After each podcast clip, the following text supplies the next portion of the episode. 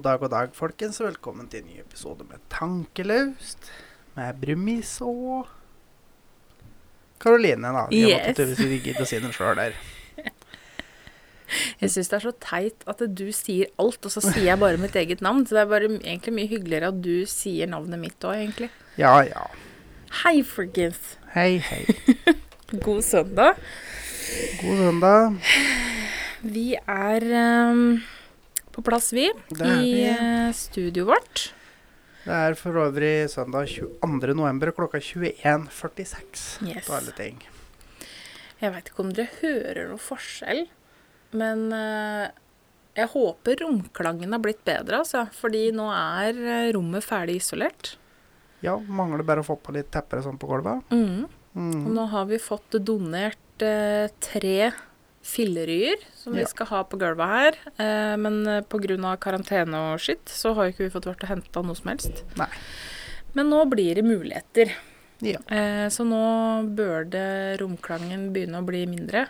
ja, det vil Så jeg tro. skal vi jo få fylt opp med møbler og sånn etter hvert. Og da blir det jo for det første veldig koselig her. Ja, ja. Eh, men for det andre så vil jo det også suge en del av romklangen. Mm. Så nå må det begynne å hjelpe her. Det gjør det. Det blir helt, eh, helt supert. Ja. Men uh, Skal vi bare hoppe til uka som har gått? ja, skal vi ikke det? Ja.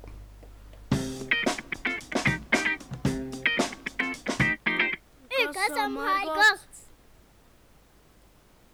Ja. Nå er jo jeg eh, endelig ferdig i karantene. Ja. I dag har jeg første dagen min ute av karantene. Freedom. Jepp. Og skal tilbake on duty i morgen. Men eh, altså for å være helt ærlig, så har jeg kosa meg litt i karantene. For det er ikke noe å stå etter der ute i den vide verden akkurat nå heller. Eh, man får jo ikke lov til å være egentlig noe annet sted enn hjemme. Nei. Um, men eh, Under eh, såkalt smittevern på alt mulig slags måter. Ja, nå er det jo ny lockdown, eh, så det er jo ikke Det er ikke så mye å ta seg til sånn ellers heller, men eh, det er klart at da kan jeg reise på butikken uten dårlig samvittighet. um, og jeg skulle jo vært på butikken og handla litt, eh, begynt med noen julegaver, men jeg har jo så smått begynt eh, julegavehandelen på nett. Ja. Så vi har jo er snart ferdig med julegaver til eh, våre respektive foreldre. Ja. Så det begynner å Jeg har begynt med julegavehandelen før 1. desember, og det er faktisk litt ulikt meg, for jeg bruker aldri å begynne før etter 1. desember. Ja. Men eh, sånn er det nå litt i år. Greit å bli ferdig med den driten, da, ikke? Jo, og jeg har gjort en annen ting, eller vi har gjort en annen ting som jeg aldri bruker å gjøre før 1. desember, og det er å spise ribbe. Det gjorde vi i går. Du stekte ribbe i går, så det Ja. var eh, første smak på julematen. Det var meget oppegående. Eh, men jeg nekta å ha full julemiddag med poteter og sånn. For det skjer ikke før 1. desember. Eh, så det blei bare Det blei bare ribbe i lefse, da. Ja, men det er godt. det. Det Veldig godt. Det er det. Eh, og nå har vi faktisk kommet til en enighet da, om det med juletrepyntinga, som vi drev og kjelka litt om her eh, tidligere. Forrige episode, ja. Nå har vi kommet til en enighet, og det blir å pynte juletre helga før jul. Ja. For da er unga her, og eh, da får vi litt mer tid med juletreet, da. Ja. Så vi har kommet til enighet, Ja. til dere som måtte lure på det. Eh, du har jo hengt deg opp i en ting som du har kjefta og smelt litt om eh, denne uka her til meg. ja. Det er jo stort sett eh, hver eneste uke så har jo du et eller annet du henger deg opp i og kjefter og smeller til meg om. Ja. Denne gangen så er det jo et visst flyselskap som skal prøve å etablere seg her i verden. Ja, det er Det er selskapet, det er sad. Ja. Det er søppel. Det er helt fuckings ubrukelig. Og eh, ironisk nok så er jo navnet på flyselskapet er jo et slangord På engelsk for, for sad. Altså da Wizz Air. Og det er, det er rett og slett sad. Det, altså Ikke Vær så snill. Altså, hvis du anser deg sjøl for å være et menneske som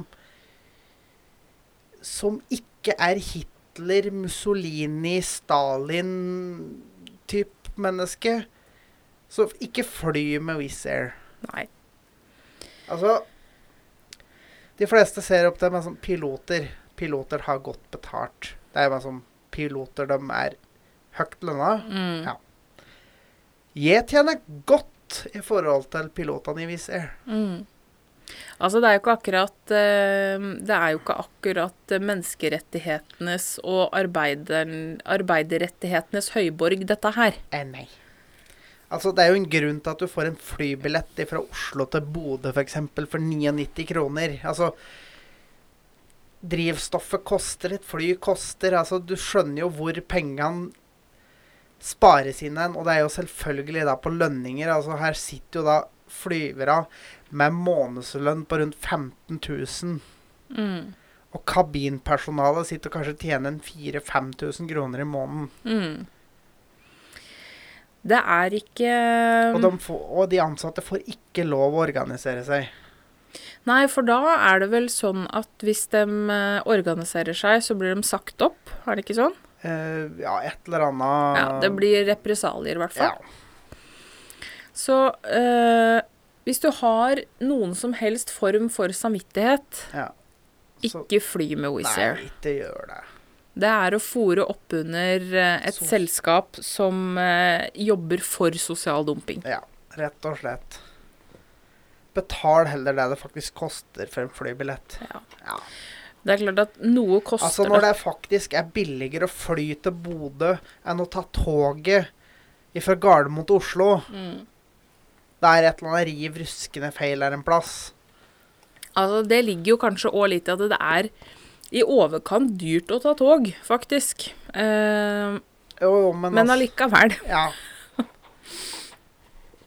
Prinsippet er der, ja. eh, for å si det sånn. For Så vær så snill, la være.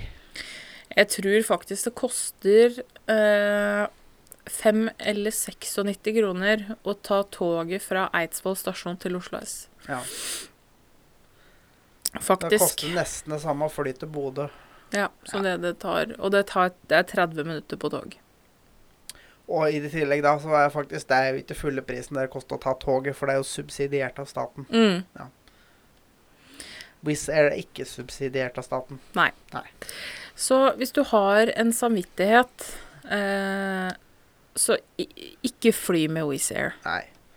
Da har du i hvert fall Da kan du i hvert fall ikke gå og kalle deg sjøl et bra menneske.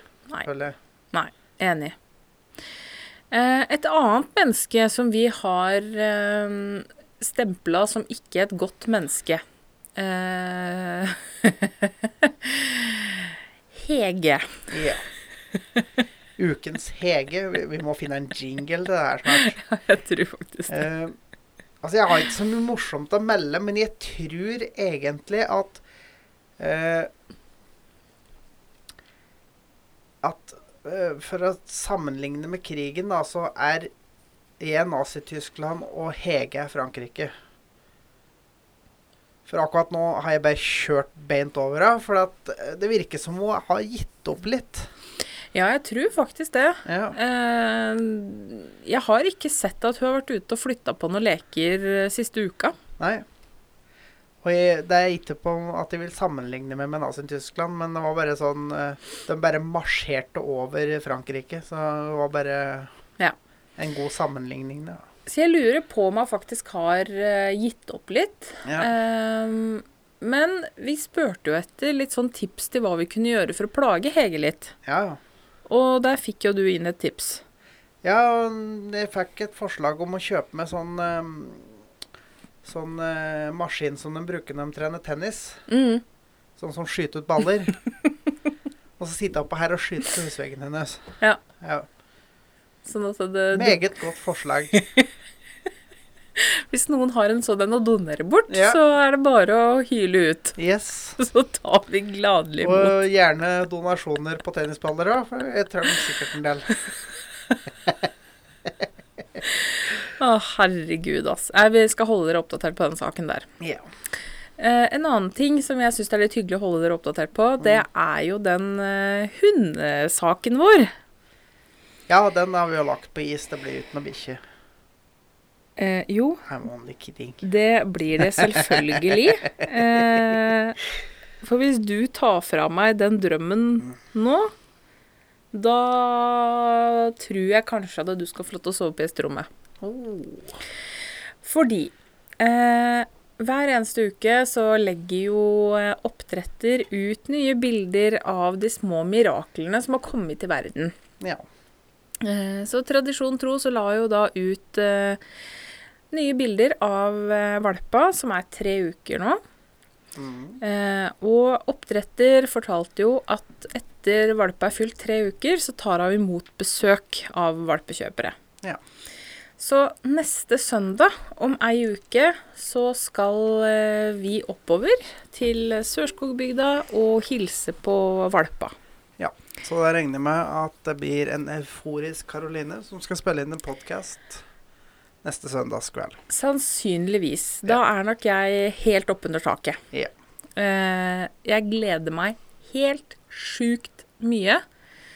Og det kan jo se ut til at det blir valp i romjula, faktisk. Ja. Uh, det passer jo bra, ja. for da er jo i hvert fall du stort sett hjemme. Forhåpentligvis. se, da. Jo, men det er ganske mange helligdager inni der, så det er begrenset. Du får ikke jobba vanlig arbeidsuke. Nei da. Nei. Så Og jeg har jo fri både første, andre og tredje dag jul. Ja. Det er jo helt amazeballs. Ja. Det har ikke skjedd på siden jeg ble sykepleier. Eh, så da, og første juledag, da er jo valpa åtte uker. Ja. Så da kan vi jo tidligst hente valp første juledag. ja. Da får vi bare se hva Når hun vil slippe dem fra seg. Ja. Så jeg gleder meg helt insane mye, og dere skal selvfølgelig holdes oppdatert. Og det kan nok kanskje hende at det lurer eh, et bilde ut på Instagram neste søndag. Det skal vi litt se bort ifra. Eller en liten videosnutt av at vi er og hilser på de små mirakla. Ja. Yes. Har du noe mer å melde, du, egentlig? Egentlig så er jeg tom, men det, er liksom, det har ikke skjedd så mye. Og du har jo sittet hjemme hele uka. Da har liksom ikke skjedd så mye der hen. Nei, det har ikke skjedd så mye med tanke på um, Med tanke på min karantene. Jeg kan jo melde det, da, at eh, sånn fra mitt eh, yrkesståsted så har jo Jeg, jeg kommer jo ikke unna covid. Fordi jeg har jo sittet i karantene pga. en smitta pasient som jeg har vært i nærkontakt med. Eh, og nå har vi vi har jo egen smitteavdeling eh, som er oppretta på Sjukehjemmet sykehjemmet der jeg jobber. Mm. Jeg jobber jo på en korttids- og rehabiliteringsavdeling, og så er det noen demensavdelinger og noen langtidsavdelinger og legevakt. Ja. Eh, det er jo et av Norges største sykehjem, Mm. faktisk. Eh, det er mange pasienter, og nå uh, er det jo påvist smitte på flere avdelinger. Noe som jeg syns er dritkjipt. Så jeg er veldig spent på å komme tilbake på jobb. Vi var jo Lurer på om vi var nesten 30 stykker fra min avdeling i karantene. Så vi var og testa oss Var det ikke totalt ca. 50 på hele bygget? Jo. Var i karantene til ansatte, da. til ansatte. ja. Så var det Jeg lurer på om det var nesten 30 stykker i karantene på min avdeling. Mm. Når vi var og testa oss på onsdag, var det vel, Mm. så møtte sjefen oss ute. eh, og hun savna oss veldig. eh, og det skjønner jeg, fordi når det forsvinner så mange, så er det vanskelig å dekke opp. Ja. Ehm, og det har jo dukka opp flere smitta ehm, ansatte rundt omkring på avdelinga den eh, siste tida, så jeg er veldig spent. ehm, det var to, to påvist smitta ansatte på min avdeling, Mm. som da er sannsynligvis smitta av den pasienten, for det var jo de som var i karantene etter nærkontakt med den pasienten. Eh, men jeg håper for guds skyld at eh, det er litt roligere tilstander nå som jeg skal tilbake på jobb. Men jeg ser Vi har jo en sånn Facebook-gruppe eh, for avdelinga vår, og de legger jo ut bilder eh, av arbeidshverdagen, og jeg ser at de jobber jo med munnbind, så jeg kjenner at jeg gruer meg til å komme tilbake på jobb. Ja. For det betyr at det blir åtte timer med munnbind hver eneste dag. Mm. Så for dere som klager over å måtte bruke munnbind eh, på butikken, dere kan kysse meg langt innerst i mitt rosenrøde rasshøl. Eh, for dere har ingenting å klage over. Takk for meg.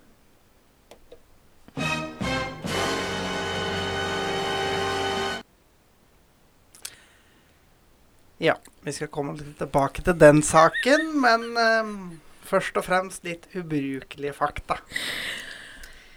Eh, her, I dag skal vi snak faktisk snakke om blekksprut. Mm. For det har absolutt ingenting å gjøre med noe som helst vi prater om ellers. Og store blekkspruter Blekkspruter. blekkspruter er faktisk på størrelse med lopper når de blir født. De har åttearma, skjelettløse skapninger, også tre hjerter, og finnes i over 300 registrerte typer. Altså forskjellige arter av blekksprut. Mm. Faktisk. Jepp. Yes. Kort og konsist. Ja.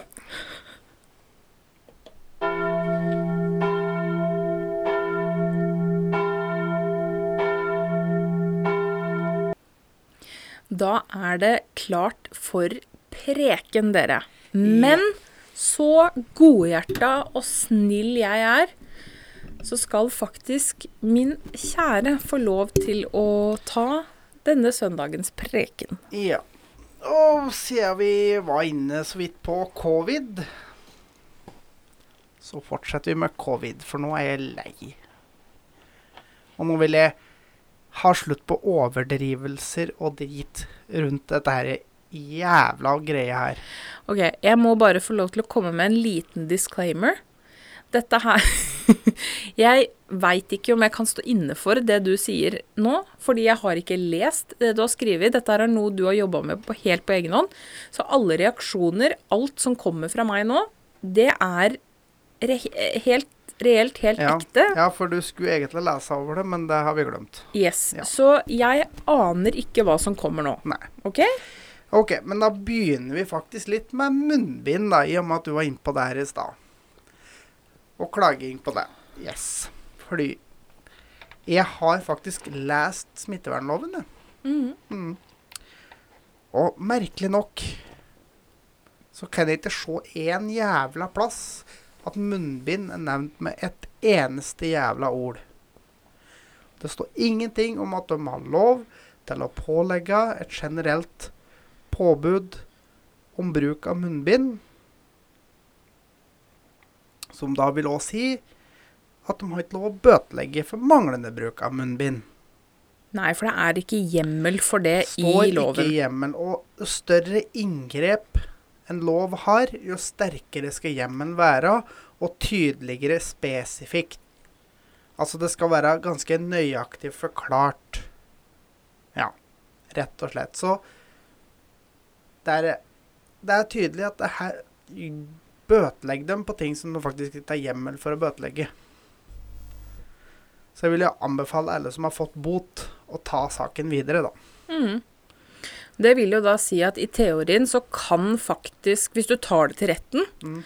hvis du nekter å godta forelegg, Mm. så har egentlig ikke staten noen ting å ta deg på. Nei, ettersom det jeg kan skjønne, så har de ikke, på, har de ikke hjemmel for å kunne bøtelegge folk for ikke å bruke munnbind.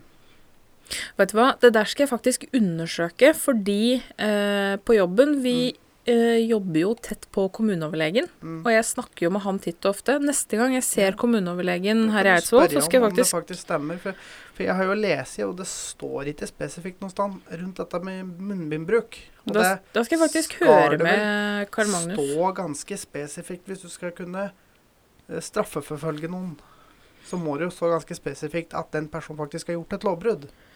Mener jeg, da. Eller mener jeg, det, det mener jo enhver jævla jurist, da. Mm. Nei, men du vet hva, det skal jeg faktisk høre Ja. med Carl Magnus om neste gang jeg ser den. Så hvis vi får et svar på det, da, så skal vi eh, Vi skal holde dere oppdatert hvis jeg klarer å få huka tak i kommuneoverlegen. Og så vil jeg òg fortsette litt med munnbind, for Og dette her er det faktisk mange forskere som sier, og det er at munnbind er i beste fall en falsk trygghet. Og det er jo at folk klarer ikke å bruke dem riktig.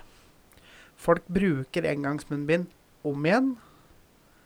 De plasseres ikke riktig, blir rørt på, tatt på, for at de er ubehagelige å ha på seg, som da vil overføre smitte til fingrene dine. Så tar du det andre plasser, og du vasker kanskje ikke fingra mellom når du tar det av, tar det på. Og da vil du ha smitta på fingra. Du tar på telefonen din, du legger telefonen din inntil kinnet ditt, da har du det ansiktet. Altså Ja. Ja, for det er jo I, i verste fall så øker, øker det smitten. Det der er jo faktisk helt riktig. Det Ja. der er jo en ting som vi helsepersonell Jeg kan ikke snakke for andre yrkesgrupper, men i hvert fall vi sykepleiere blir jo drilla på det der med krysskontaminering. Mm. Eh, det med rein, urein sone og sånne ting. Ja. Eh, for i teorien, da. Mm. I teorien så har munnbind noe for seg. Eh, ikke nødvendigvis for å hindre at man blir smitta, kanskje, eh, med mindre du bruker åndedrettsvern. Ja. Det er jo derfor helsepersonell som jobber på covid-avdelinger, Mm. eh, og som tester folk med covid, bruker åndedrettsvern, altså sånn type masker. Eh, støvmaske, egentlig, da, Mm. med ventil. Mm. Eh, når jeg er på legevakta og tester folk for covid, så bruker vi jo åndedrettsvern i Ja. tillegg til visir Ja. for å ikke få eh, smitte på oss. Mm. Og, men munnbind er effektivt for å sperre smitten inne. Mm. Eh, sånn at hvis du er smitta Det er klart at hvis alle hadde brukt munnbind, så hadde jo ikke folk blitt smitta. Nei, nei. For de hadde på en måte holdt smitten inne. Mm. Eh, men det der er helt riktig. Uh, Ut ifra mitt ståsted så er det faktisk helt riktig at munnbind er en falsk trygghet. Og uh, igjen, vi er vel den eneste kommunen på Øvre Romerike som ikke har et uh, munnbindpåbud. Mm. Uh, Av akkurat den grunn. av akkurat den grunn at eh, det anses fra kommuneoverlegen sitt ståsted at det er et tiltak som eh, gir mye falsk trygghet, fordi folk bruker det feil. Ja. Og så, som vi sa i stad, munnbindet skal kun brukes én gang, og så skal det kastes. Og det gjelder også Ja, det, det var det neste jeg skulle komme til. Tøymunnbind skal vaskes mellom hvert enkelt bruk. Du skal ikke bruke det heller flere ganger. For da smitte Da, da, da bidrar du bare til økt smitte. Mm. Rett og slett. Så hvis du skal ut på handletur, da, Mm. så bør, må du ha med deg mer enn ett munnbind. Ja. Fordi på et eller annet tidspunkt så blir du tørst, og så skal du drikke og sånne ting. Ja. Hver gang du tar av deg munnbindet, Ja. så, så skal du ikke ha det på igjen. Eh, Nei, rett og slett. Da skal ikke det samme munnbindet på igjen. Og så skal du vaske og sprite hendene før du tar på, og etter du har tatt det av. Jepp. Ja. Helt riktig. Men som jeg òg har har sett litt på, så fins det ingen forskning som faktisk sier at tøymunnbind har noen virkning. At det faktisk hjelper. De har ikke noe forskning som sier at de faktisk hjelper noe som helst. Så hvorfor er det da greit å bruke dem? Lurer jeg på. Burde kanskje ikke ha forska på og funnet ut om det faktisk hjelper, før vi sier at nei, det er helt i orden, jeg bare bruk det. Og så er det òg det som jeg syns med det er generelle greia at du skal bruke munnbindet inn, inne på offentlige plasser, da. Ja. Men munnbind skal jo egentlig brukes der avstand ikke kan opprettholdes. Mm. Altså f.eks. på bussen, da. Mm. Den er for så vidt grei. Men hvis du skal inn på et digert varehus, da, f.eks. typ Ikea Hvis vi tar Ikea Furuset, da, som er et av Norges største varehus Jeg tror ikke jeg er noe problem med å holde mer enn én meters avstand inni der. Vet du hva, akkurat Ikea Furuset så skal du ikke si det for sikkert, fordi på Ikea, Ikea Furuset Ja. så er det så mye folk at det er helt vondt. Hvis vi tar Ikea Slependen eller Ja, ja. Ikea Furnes, da. Ja ja, for eksempel altså et stort jævla varehus. Så er det stort sett ikke noe problem å hvert fall greie å holde minst én meters avstand. Eller to. Ja. Og da er jo munnbindet helt ubrukelig Ja. uansett. Yep. Så det er bare tull. Og så er det òg én ting til jeg lurer på. Munnbind det er jo smittevernutstyr. Mm. Der kan det samle seg smitte på det. Det er jo Mm. derfor de skal vaske seg med andre. Skal ikke det egentlig behandles som farlig avfall? Det der er faktisk et jævlig godt spørsmål, faktisk. Hvis alle bare går rundt og kaster det i vanlige søppeldunker, så blir jo de vanlige søppeldunkene rundt omkring smittebomber, da. Mm. Ja. Det er faktisk et veldig godt spørsmål. Det Fordi har ikke jeg at tenkt på. Alt døkk bruker sånn, blir kasta i spesielle gule dunker, gule sekker, Mm. Som er ekstra innpakka og slik, for å forhindre smitte. Mm. Mens vanlige folk som går rundt da med munnbind for å hindre smitte, jeg kaster i en vanlig søppeldunk.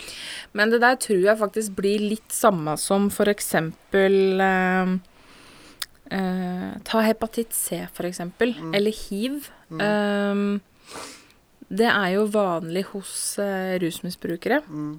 Eh, I hvert fall hepatitt C. Mm. Det er jo blodsmitte. Ja. eh, og folk Altså eh, Folk med hepatitt C kaster jo heller ikke søpla si som smitteavfall. Nei. Hus, sitt eget Ja. husholdningsavfall, selv om de har hepatitt C. Ei dame med mensen Mm. som har hepatitt C, kaster jo ikke tampongene sine i uh, gul sekk. Nei, nei, nei og, og den er for så vidt grei, men uh, nå snakker vi jo mest om Hepatitt C ikke en pandemi, da.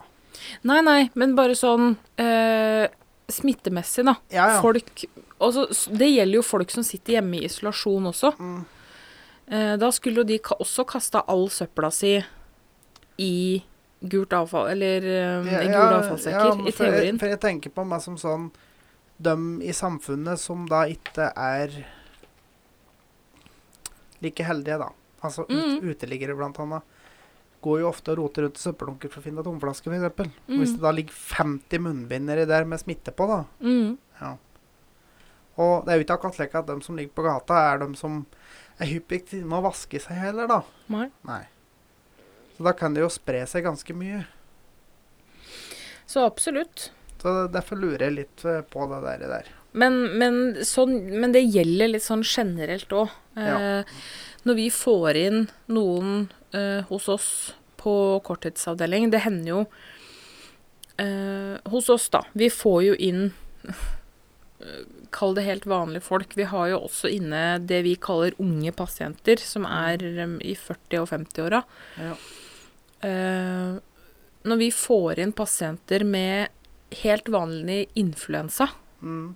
Eh, så blir jo også de smitteisolert for at vi ikke skal smitte de andre pasientene. Ja.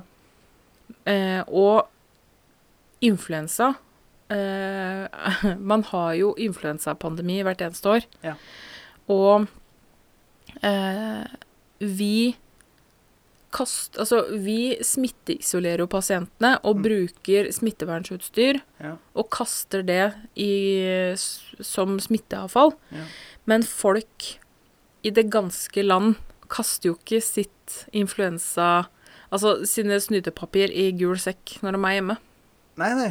Og, men, men for å si det sånn, da, vi stenger jo ikke ned landet pga. influensa heller. Nei, nei, men jeg Nei. bare ser ikke at det kan la seg gjøre, Nei, da. nei, nei. Nei, men altså, det var bare Mm. En tanke jeg hadde, Ja, ja. Ja, ja, og, og jeg, Ja. det var et veldig godt spørsmål. Jeg måtte faktisk gå noen runder i mitt eget Mm. hue, men eh, Og så vil jeg da gå inn på Helsedirektoratet og assisterende direktør Espen Nakstad. Mm. Og de tallene her er fra per 17.11.20. Mm. Så han eh, sagt at på en eller annen pressekonferanse dette her har kommet fram på, eh, at litt over 100 000 har vært smitta i Norge av korona. Mm. Mens det faktisk registrerte tallet er 28.963. Så mange tusen har vært innlagt på sykehus. Altså, for det første er det man som å si mange tusen. Jeg kan du ikke komme med et eksakt tall? For det eksakte tallet er faktisk 1464. Mm. Og der vil jeg faktisk ikke påstå at det er mange tusen. Og så har han videre sagt at over 1000 har vært innlagt på intensivavdeling.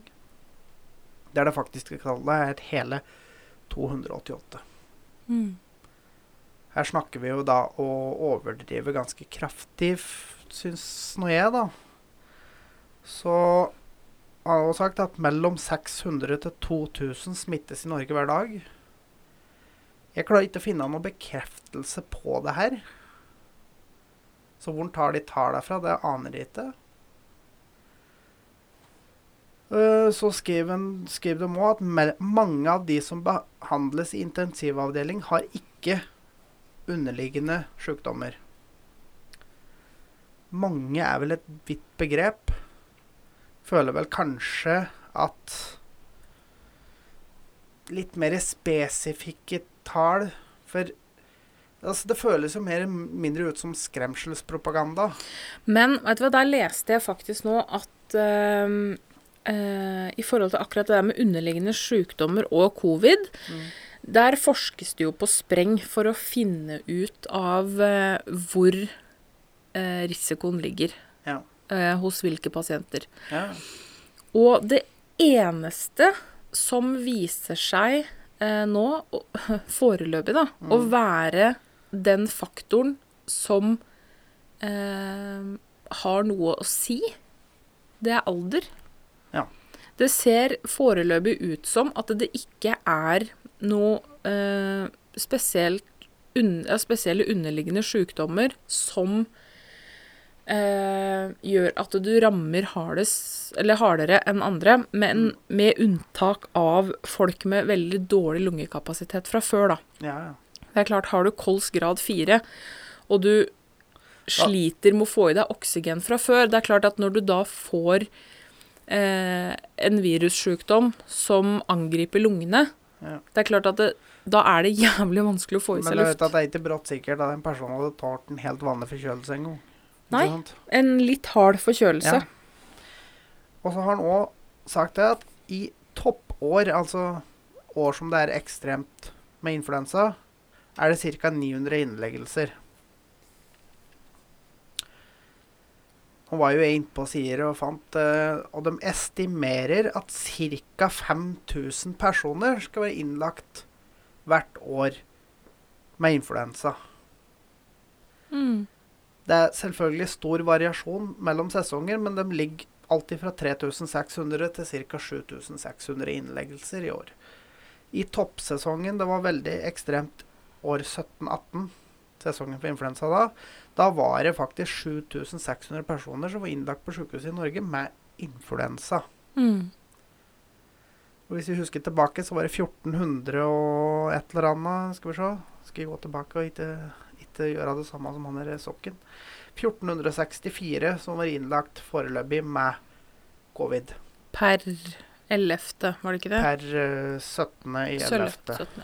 Mm. Ja. Det vil da altså da si at det var fem ganger så mange som var innlagt for influensa, og influensasesongen er kortere enn det vi har hatt covid til nå. Mm. Og antall dødsfall var på 1400 det året. Mm. Eller den sesongen med influensa. Vi syns at det de kommer med, er villedende og misvisende. Og jeg syns helt ærlig, når øh, direktører og sånn i Helsedirektoratet bør vel kanskje komme med eksakte tall i stedet for å si mange. Mm. Det er jeg enig i. Ja. Mm. Per 22.11.20, altså i dag, er det totalt 306 dødsfall tilknytta korona i Norge.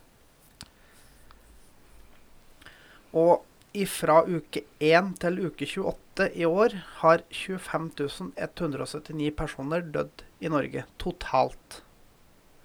Og Hvis en ser på snittet for de siste fem åra, så det er faktisk en nedgang på hele 872 stykker. Det dør mindre folk nå enn til vanlig.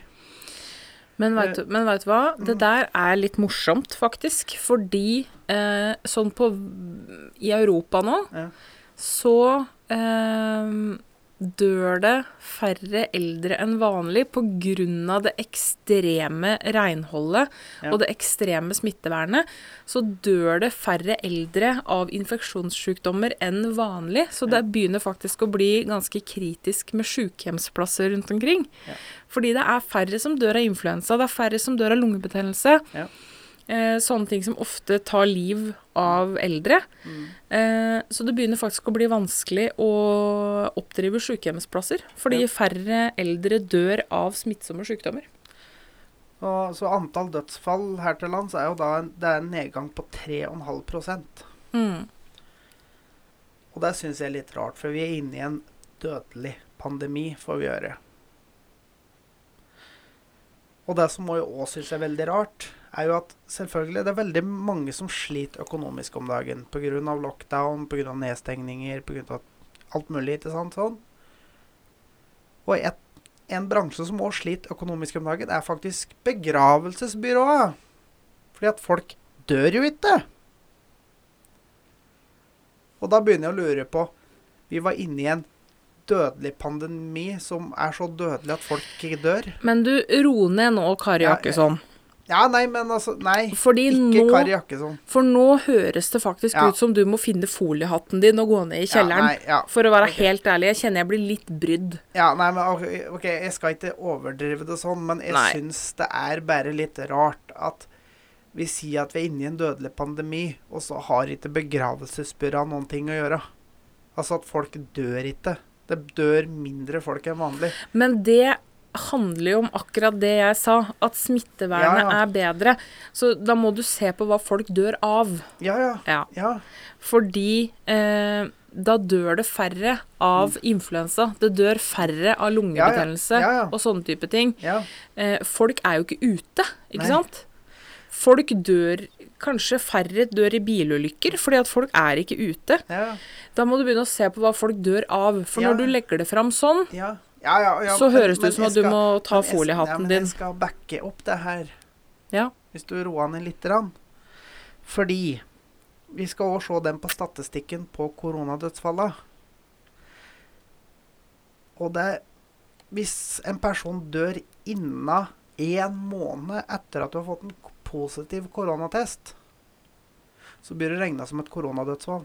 Mm. Det vil jo da si at den personen kan ha vært frisk i tre uker og dør av et eller annet, men blir regnende med på den statistikken fordi at den personen har hatt korona. Men det handler òg om at folk eh, kan ha opptil 14 dager inkubasjonstid før de får symptomer på covid. Ja, ja. Det vil jo da si at de kan være midt i sykdomsperioden også. ja, ja Så det for- må jo dra alle. linja et sted. Ja, ja. Men ofte så blir du ikke testa før eller du faktisk har symptomer. Folk flest vil jo teste seg etter de har fått symptomer. Ja, men du må huske på det at eh, det er en ganske stor andel som testes nå. Ja, ja. Eh, de screenes, bl.a. Ja. utenlandske arbeidere. Eh, det er ekstremt mange svenske, Ja. polske, litauiske arbeidere her til lands eh, som screenes eh, Jeg lurer på om det er én gang i uka fast. ja. Men, men Eh, så det er mange som fanges opp. Eh, og folk i nær Altså noen de, Alle som er i nærkontakt til noen som er smitta, skal jo screenes, ikke sant? ja. Så det er mange som blir testa lenge før, da. Ja, ja. Men ikke sant, når du liksom som sier en måned etter at de har testa positivt, så kan det jo være at faktisk mange av det her faktisk er ikke har korona lenger når de dør. Ja, ja. Så de tallene her kan jo til dels være misvisende, dem òg. Men det veit de jo ikke. Nei, men Ikke sant? det er bare et lite tankekors. At det er ikke sikkert at det er så mange som tallene sier, da, som faktisk har dødd Nei. av korona. Nei. Og som vi sa i stad, det er 306 dødsfall som er tilknytta korona i Norge. Nå er det flere, fordi da ryker med en hel haug på et sykehjem her i Eidsvoll. Ja, altså dette her og per tidligere i dag, så det kan hende at det er flere nå, men Ja. det var de tallene jeg fant her før i dag når jeg drev med det her. Ja. Altså det her tar han forandrer seg fra dag til dag, men jeg mener at fortsatt vi har en Vi har ca. 5,5 millioner mennesker i dette landet her. Hvor mange prosent er 306? Da snakker vi promille, og ikke prosent. Ja, da snakker prosent. vi 0,001 eller annet dødelighet. Det er ikke mye. Men du må òg tenke på én ting Mhm. oppi dette her, Ja. og det er at øh, vi har vært øh, relativt nedstengt veldig lenge. Hadde man uh, slept opp. Fullstendig, så ville tallet vært helt annerledes. Dette her er jo i et land med strenge eh, smitteverntiltak. Hadde man Altså hvis du ser til Italia, hvis du ser til Spania, eh, hvor folk daua som fluer, helsevesenet klappa sammen fordi det spredde seg for fort, folk daua for fort. Eh, dette her Vi er, bor jo faktisk i et land som har hatt strenge tiltak over veldig lang tid. Ja. Eh, så tallet hadde vært helt annerledes hvis de tiltaka ikke hadde blitt gjort. muligens. Det er ikke muligens. Eh, okay. Det, det, det er common sense. Ja, Fordi vi ja. er jo ikke ute av døra, Nei. ikke sant? Men hvor lenge skal vi da drive med det? Det er bekymringa mi oppi dette her. Fordi jeg prøver jo Altså, jeg blir veldig farga av jobben min, Mm. og jeg er um, til en viss grad nødt til å holde meg litt nøktern. Nettopp av de strenge tiltaka jeg har på jobben min. Ja, ja.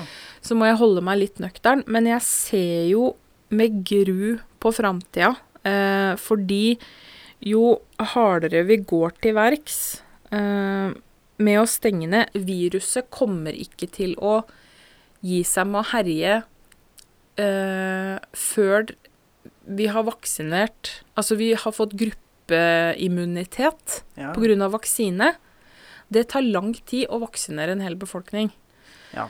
Um, eller før det har fått uh, Før det utrydder seg sjøl, da. Ja. Med at uh, folk så Alle som får det, dauer, Ja. på en måte. Men ettersom vi ser på tallene, så er det blitt mindre dødelig. Det ser sånn ut nå Ja. at eh, For virus muterer hele tiden. Det er jo derfor man må lage ny influensavaksine hvert eneste år, fordi viruset muterer hele tida. Ja. Eh, så for å få full immunitet da, eh, mot kommende influensasesong, så må de jo lage nye vaksiner. Ja. Og et virus, bare for å bli litt faglig her, så et virus muterer alltid én av to veier. Ja. Eh, fra utgangspunktet så muterer det enten til å bli mer smittsomt og mindre dødelig, eller mindre smittsomt og mer dødelig. Og det virker jo helt ærlig som at det blir mer og mer smittsomt og mindre og mindre dødelig. Yes, det er det ehm, Det er gjort en del amerikansk forskning på akkurat det der, og det ser ut som per nå at viruset blir mer og mer smittsomt og mindre og mindre dødelig. Ja. Altså, jeg så jo at Nå husker jeg ikke helt nøyaktige tallene, men de hadde da regna i hop Dette her var et amerikansk studie. Der eh, hadde de regna på diverse aldersgrupper hvor dødelig det dette viruset var. Mm. Og den gruppa som det var høyest sjanse for å dø på, var jo folk som da var 70 pluss. Ja, det Og der altså var det da 94,6% sjanse for å overleve. Men nå må du ikke Det der er ganske stor forskjell på om du er 70 eller om du er 90. Ja, ja. For jeg har sett på litt mer um, Litt mer inndelte tall på akkurat det der. For det var jo akkurat det jeg sa i stad. At jo høyere alder, jo høyere dødelighet. ja. Altså, dette Og- her var jo da delt inn i bare fem grupper fra type barn til Ja. Og, Ja. Men akkurat på eldre, eldre og gamle, Mm.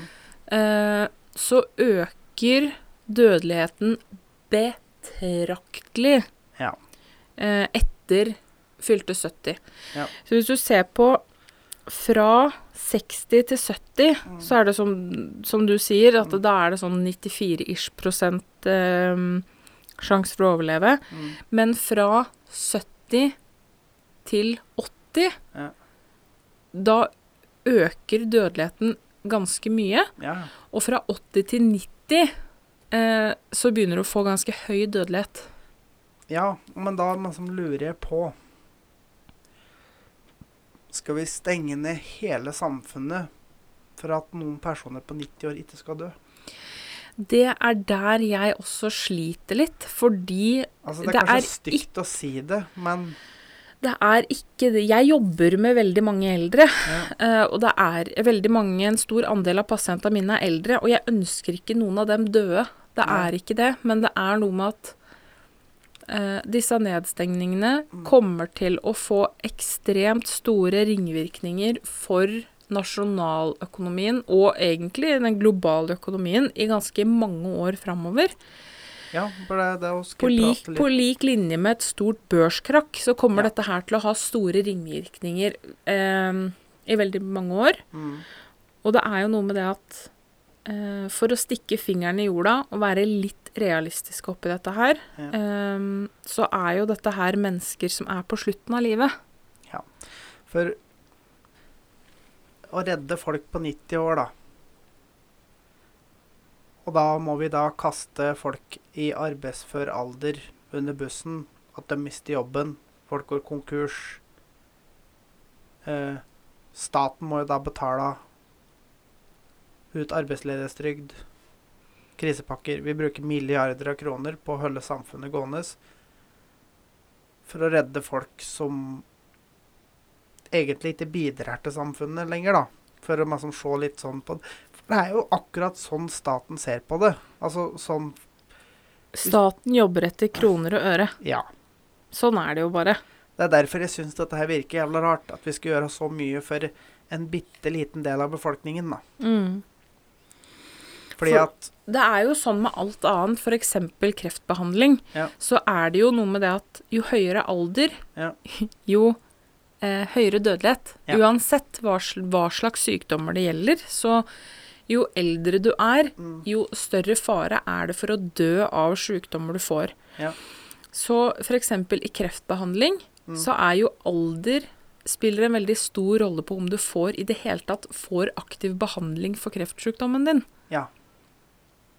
Og det er, det, dette er jeg syns er rart, fordi at vi bruker så mye milliarder på stengene for å kanskje redde en prosent eller to av befolkningen som eh, kanskje egentlig ikke bidrar til uh, bruttonasjonalprodukt i det hele tatt. Mens ellers, når det gjelder ting som koster penger, så, blir, så er det uaktuelt med mindre det er samfunnsmessig økonomisk forsvarlig. Som f.eks. at de bygger ikke en tunnel til tre milliarder ut til ei bygd der det bor to stykk. Altså, Nei. nei. Så det liksom, det, det jeg syns kanskje er litt rart. Altså, Én ting var nedstengninga i mars, for da visste vi ingenting om hva dette var for noe. Men nå vet vi egentlig hva det er for noe. Og det har fått drive på ei stund. Så ja. Men en ting òg er at det, det er jo Hvis man kan lite grann om virus, da, eh, så kommer det sannsynligvis til å eskalere nå gjennom jula eh, og over nyttår og fram til våren. Ja. Fordi virus trives i kulda. Ja.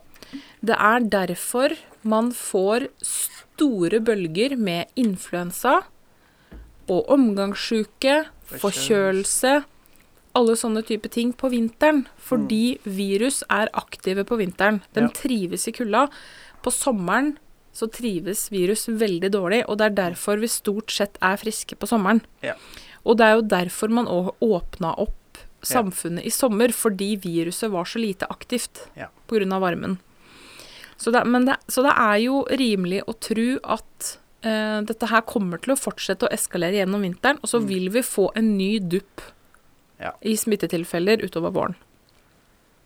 Så antageligvis kommer dette her til å bli gående på samme måte som influensa. Mm.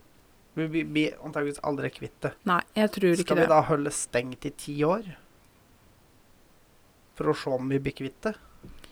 Det er jo Dette her altså det, er, det er kinkig, og jeg ser litt svart på det. Og det er litt egoistisk eh, oppi dette her òg, fordi jeg jobber med det jeg jobber med. Mm. Og hvis jeg skal måtte ta de hensyna jeg må ta nå, Ja. i mange år framover i tid, så kommer jeg nummer én til å bli utbrent. Ja. Nummer to, jeg kommer til å bli alvorlig deprimert. Ja. Eh, fordi dette her kommer ikke jeg til å klare å stå i over flere år. Det kjenner jeg nå. Ja. Men jobber men som på avrunde litt, for jeg, jeg syns faktisk at det bør være lov å se litt kritisk på At ikke vi skal bare si ja og ha, fordi at eh, noen sier at nei, det er smitteverntiltak, så da må vi bare godta det. Mm. Vi har fortsatt menneskerettigheter, har vi ikke det? Og vi har fortsatt lov, som du sier, til å bruke huet. Ja. Um, og vi, og det er, men det er jo noe med det at vi bor i utgangspunktet i et land Mm. uh, som er demokratisk styrt. ja. Så vi er jo vant til å på en måte ta det vi får Ja. uh, fra myndighetene. Mm. Men akkurat nå så er vi jo i en veldig ekstraordinær situasjon, og nå vi stiller ikke spørsmål, fordi Nei. alle er redde. Og det er jo ja det, det, det er jo sånn propaganda gjerne fungerer, da. ja, det er jo det, at er rart. et folk som er engstelig og redd, Mm. eh, de gjør som de får beskjed om. Det er et kua folk, da. Ja, for i veldig mange andre tilfeller så vil jo staten prøve å holde ting på et rolig nivå for å holde befolkninga rolig. Nå er det jo ut og skremme folk. Mm. Det er jo det med overdrivelser av tall og det ene med det andre. Det er, det, det er skremselspropaganda. Altså, jeg er sikker på at uh, Goebbels sitter og ligger og flirer i grava si. For de går en høy gang på propagandamaskineriet. Jeg syns helt ærlig at mye av det de kommer med, virker veldig propagandastyrt. Men jeg Og selvfølgelig, media er veldig flinke til å være med og skrive sens sensasjoner rundt det, da. Og være med å skremme opp befolkninga. Ja. For det er jo for å få klikk. men jeg velger å være litt naiv en Ja. stund til. Uh, jeg velger å prøve å stikke fingeren i jorda av og til, men jeg velger å være uh, Fortsette å være litt naiv. Rett og slett for å holde motet litt oppe. Og jeg ønsker å ha trua på at eh, nasjonen jeg bor i, ønsker mitt beste. Ja. Eh, men jeg kjenner at hvis jeg skal stå i dette her i lang tid framover, så kan ikke jeg ha den tanken at dette her er bare bullshit. Fordi da kommer ikke jeg til å klare å stå i dette her i lang tid framover. Så jeg velger å fortsette å være naiv. Ja. Um, og ha tro på at uh, regjeringa vår prøver å beskytte oss. Men da vil jeg i hvert fall avslutte det her, eh, wrap opp dette her. Jeg, jeg syns faktisk det er på tide å åpne opp igjen. Det er veldig mange som går konkurs. Det er mange som mister jobben. Kanskje miste hus, bil og, og alt annet pga. dette her. Jeg syns regjeringa mer eller mindre har kasta reiselivsbransjen, utelivsbransjen, entertainere, eventbransjen og flere andre Bare kasta dem rett under bussen. Og kaller det smitteverntiltak. For at så lenge de sier at det er smitteverntiltak, da, da skal vi bare godta. Syns jeg det virker som. Helt ærlig. Mm. At de er som Hvis du stiller spørsmål, da, så er det Da, da med Nei. Altså eh, Ja, jeg så jo ei gruppe på Facebook som delte en NRK-sak der det var en som var litt kritisk til diverse smitteverntiltak, og den ble fjerna. Fordi at det var såkalt eh, fake news, da. Mm. Så eh, ja. Altså, hvis du legger ut en film på YouTube med noe som helst kritikk av noe covid-greier, så blir det fjerna. Og da begynner det òg å gå utover ytringsfriheten, egentlig, da. Mm. Um, om flere av disse smitteverntiltakene Jeg syns helt ærlig at det, det virker mye av det virker som å graspe etter halmstrå, egentlig, for at de skal se ut som de gjør noe. For det virker meg som litt sånn eh, Nei, vi gjør litt sånn her, og så gjør vi litt sånn der, og så Ja. Og meg sånn Nei, den kommunen har det sånn, og den kommunen har det sånn, og så Det, det blir så mye sånn forskjellige måter å tolke ting på, og forskjellige måter å gjøre ting på fra kommune til kommune. Men det syns jeg er litt riktig. For hvorfor skal eh, Austevoll kommune på Vestlandet, som er et øysamfunn, eh, hvor de bor Ja, spredt fra hverandre, og det bor noen her og noen der, og de er noen hundre personer, ja. hvorfor skal dem ha samme tiltak som Oslo by? ja men altså, den er jeg for så vidt enig i. Så jeg er helt enig i Ja, ja. at man må ha noe Ja, men, variasjoner fra kommune til og kommune, og er tilpasse smittesituasjonen i sin kommune. men jeg tenker når f.eks. Eidsvoll, Hurdal, Ullensaker, Nannestad Som er fire nabokommuner, skal ha forskjellige tiltak. Det er ikke stor forskjell på smittegen i de kommunene, kan jeg, kan jeg aldri tenke meg. Det er nok det, skjønner du. Eh, fordi dette her er styrt ut ifra smittetall. Ja, ja, men for meg, da, som yrkessjåfør Mm. Det er jævla vanskelig for meg å holde oversikt på hvilke regler som gjelder hvor. Altså, jeg er innom x antall kommuner på en dag. Mm. Det er ikke støtt jeg vet hvilken kommune jeg er i engang, for det er ikke støtt Det er ikke hver eneste jævla vei som går inn i en kommune, så det er ikke alle steder faktisk står hvilken kommune du At du passer i kommunegrensa i det hele tatt. Åssen faen skal jeg vite hva slags regler som gjelder, da? Men i ditt tilfelle, Ja. det eneste du trenger å ta hensyn til, Ja. er om du skal bruke munnbind eller ikke. Ja. Og da er det faktisk ikke verre enn å bare ta på deg munnbind uansett. ja, men altså, jeg blir jo ikke gjørende. Men problemet er jo at du da faktisk kan bøtelegges. Det er klart, som vi har prata om, du kan nekte. Ja. Ehm, for all del, men Mm. du kan bøtelegges. Og det er, det er liksom snakk om Her òg har de jo satt noen bøtesatser for å statuere et eksempel. For når Ja. du da kan få eh, Når du da kan få 10 000 i bot for ikke å bruke munnbind et sted det er pålagt, så er det for å statuere et eksempel. Ja, ja. Men jeg kommer jo selvfølgelig til å dra det til retten og alt som er, fordi at de har jo ikke hjemmel til det. Altså, de har Altså, da blir det da, da Hvis de kan bare bøtelegge for at de har lyst til å bøtelegge, uten å ha hjemmel til det, altså, da snakker vi at da er vi snart inn på diktatur. Mm. Politistat. Det bare uh, Nei, jeg finner ut at det her, det her skal vi bare straffe for, og så bare gjør vi det. Sånn fungerer jo ikke et demokrati. Nei. Men det jeg som vil eh, si til slutt, er at jeg lurer på hvor lenge vi skal holde på sånn, eller hvor lenge vi kan holde på sånn. Hvor lenge har vi råd til å holde på sånn? Og hvor mange er det som må gå konkurs og miste levebrødet sitt? Og hvem, og hvem er det som skal betale for dette her til slutt? Det er oss skattebetalere. Ja. Mm. Jeg, jeg syns helt ærlig at dette her Det kan jo ikke fortsette i all evighet. Nei, det kan det ikke. Det vi- stopper seg sjøl Ja. etter hvert. Så vi Ja, etter hvert. Mm. Hvor mange er det som har gått dukken før de finner ut at de skal slutte med dette her, da? Så vi skal ha 100 150 000 som skal miste jobben for at 0,00008% av befolkningen ikke skal dø. Det handler om kroner og ører. Mm. Så for å rappe opp, jeg mener stopp med den jævla lockdown-greia. Takk for meg.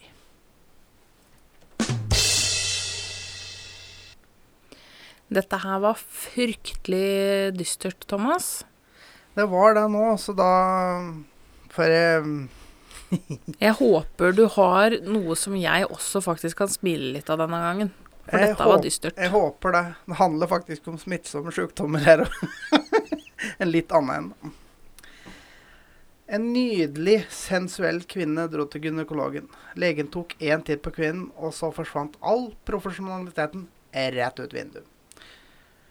Det første han gjør, er å bare kle av seg. Når hun kledde av seg og satte seg på stolen, så begynner gynekologen å stryke på låra. Mens han gjør det, spør kvinnen vet du hva jeg gjør nå. Ja, svarte hun, du leter etter skrubbsår eller dermatologiske abnormaliteter. Helt riktig, svarte han. Så begynner han å klemme på brystene hennes. Vet du hva jeg gjør nå? Ja, nå leter du etter kreftsvulster. Svulster. Riktig igjen, svarte han. Deretter begynner gynekologen å ha sex med kvinnen. Hva med nå? Vet du hva jeg gjør nå? spurte han. Ja, svarte kvinnen nok en gang. Du får herpes.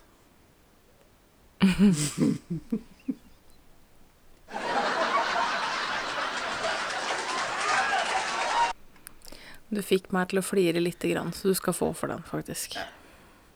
Da ble det litt, eh, en litt blidere avslutning, da. Det blei det. Nei da, så øh, beklager at det ble litt mørkt og dystert, men øh, jeg kjente at dette måtte ut. Ja. Da fikk du æren av å ta denne søndagens preken. Ja. Og med det så runder vi av eh, denne ukas episode. Det gjør vi. Eh, sammen med oss på laget har vi Kosmos Nordli Eidsvoll. Ja, det har vi. Så hvis du er i nærheten, stikk gjerne innom eh, for en hyggelig handel hos Kristin på Kosmos Nordli eh, i Sundet. Oi. Og hils fra oss. Og hils fra oss, selvfølgelig. Følg oss på våre sosiale medier, på Instagram og Facebook på Tankelaust podkast. Og send oss gjerne en mail på tankeløspodcast.gmail.com. Eh, rate oss i iTunes eller Apple Podcast, og følg oss på Spotify for å få varsel når en ny episode kommer ut. Ja. Tusen takk for følget, folkens. Vi høres neste uke. Det gjør vi. Ha det. Hei! Ha det!